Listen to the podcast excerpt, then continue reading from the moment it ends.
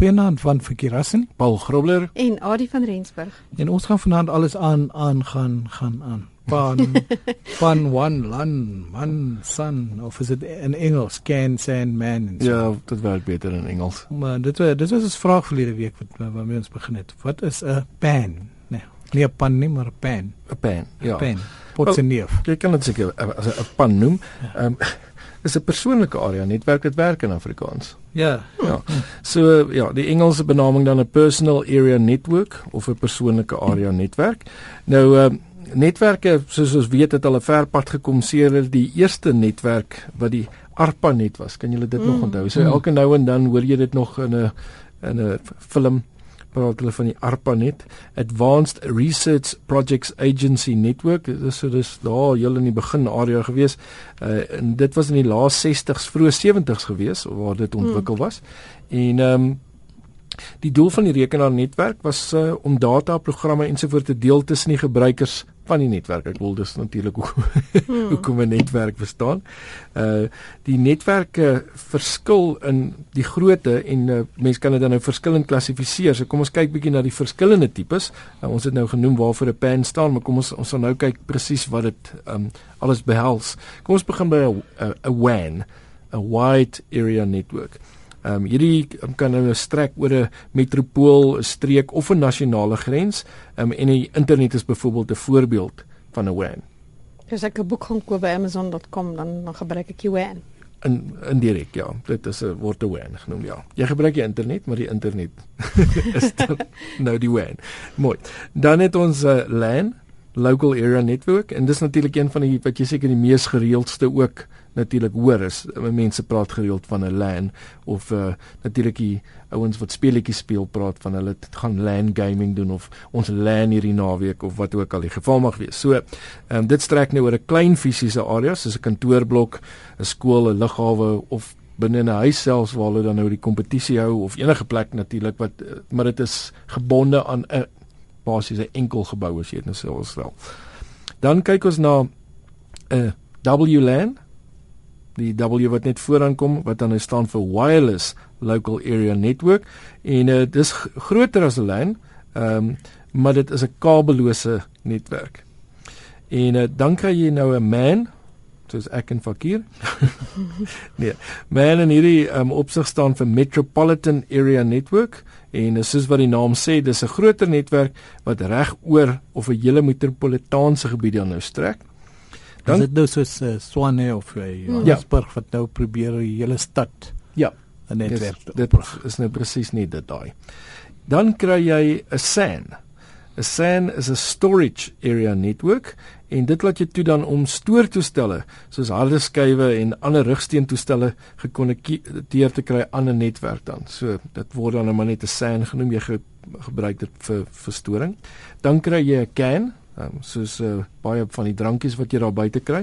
Ehm um, nee, 'n CAN in hierdie geval kan vir twee goed staan of 'n controller area network of 'n uh, ander benaming vir dit ook is 'n campus area network. En uh, dit laat toe dat 'n uh, controller area network laat toe dat mikrokontroleerders en toestelle met mekaar kan kommunikeer sonder 'n bediener. Uh, en natuurlik as dit 'n campus area network is, is dit nou maar net op 'n 'n campus area, so die, dit behoort aan dieselfde kampus dan eh, die PAN waaroor ons gesels het, 'n personal area network laat kommunikasie vir 'n enkel gebruiker toe tussen sy verskillende toestelle soos jou slimfone, PDA's, drukkers ensovoorts. So uh, jy kan sien dis nou wanneer jy tipies jou eie persoonlike um, apparate het en jy koppel dit aan mekaar binne in jou persoonlike omgewing as jy dit kan ook natuurlik draadloos wees. Dit kan ja, in die meeste gevalle sal dit ja. draadloos wees. Dan uh, kry jy 'n GAN, 'n global area network en dit bied kabellose mobiele kommunikasie oor kabellose LANs en satelliet. Seker maar hoofsaaklik deur satelliete, so ek dink. Ja, of uh, enige tipe van 'n kabellose hmm. koppeling en dan kry jy 'n DAN, 'n uh, Disk Area Network. Dis dieselfde as 'n PAN, uh, maar net in 'n kleiner area. So dit tipies op jou so jy so jy so jy PAN het dalk jou drukker op 'n ander lesenaar, maar jou uh, dan sit die drukker op jou jou Ja, alles alles sit in dieselfde op dieselfde tafel. Nabye area, ja. okay. Goed. So al hierdie ends uh, weet ons nou baie van, daar seker nog 'n paar of hoe al die. Ja, nee, daar's daar's heel wat ek uh, ek dink ons het almal gedek. Dalk mag daar 'n luisteraar wees wat vir ons laat weet, laat weet vir ons as ons een uitgelaat het. Maar jy kan gaan verder lees oor hierdie verskillende netwerke by um wireless koppelteken netwerk, koppelteken support en dit is op uh, blogspot bladsy.com. Dis nie 'n baie lang naam hierdie. Um die die laaste stuk van hom is what is LAN? WLAN WAN man san can can .html so dis 'n baie lang naam. Alles klaar in een. Ja, en die ander een is comp uh compnetworking.about.com. Ek dink about is 'n redelike bekende Mm. webwerf. Maar gaan kry hierdie webwerf by ons webwerf. Ja, ja, gelukkig kan jy dit maklik by ons inkry. rsg.co.za en uh, gaan net daarso na Chala tyd toe en soek vir die rekenaar rubriek en daar kan jy hierdie webwerwe sowel as uh, al die ander programme waaroor ons al reeds gesels het kry. En uh, as jy natuurlik iets interessants het wat jy met ons wil deel, stuur dit gerus vir ons na rekenaar by rsg.co.za. Nou Rika, voor ek uh, jou uh, e-pos lees, wil ek vir jou sê ek het 'n soortgelyke probleem gehad hier in die vakansietyd. Ek klein kinders wat op 'n selfoon speletjies speel en onbewus word goed afgelaai in die agtergrond en dan kry jy sommer geskielik 'n groot rekening aan die einde van die maand. En dis 'n soortgelyke probleem wat Rika het. Sy sê sy noem sy sê sy wil sien watter apps vreet haar geld op. nou ek het gaan kyk Rika, maar Adie het meer deeglik gaan kyk. Ek het Het gevind dis maar die speletjies wat uh, Ja. goed in die agtergrond bly lê. Mm. Ja. Ja, soos byvoorbeeld Angry Birds. Ja. Ek weet nou nie of ja. hulle Angry Birds gespeel het nie, maar ja. Hulle het my baie kwaad gemaak toe ek die rekening kry. Ja. So jy was kwaad vir die Angry Birds speletjie Ja. En die wat dit gespeel het op jou foon.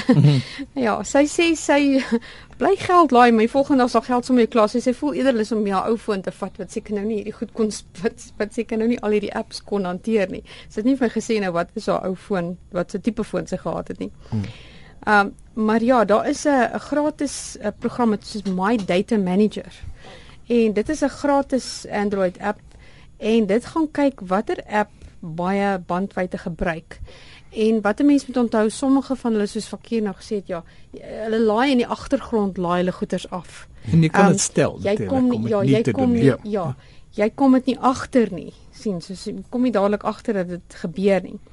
Nou as jy dit wil gaan aflaai of gaan kyk daarna, dan sit by play.google.com. Dan die App jy op Store. store, die gewone App ja. Store en dan gaan jy net maar net die ehm um, jy kan maar net die hierdie skakel volg. Dan is daar inligting, daar's natuurlik ook inligting ehm um, wat mense doen.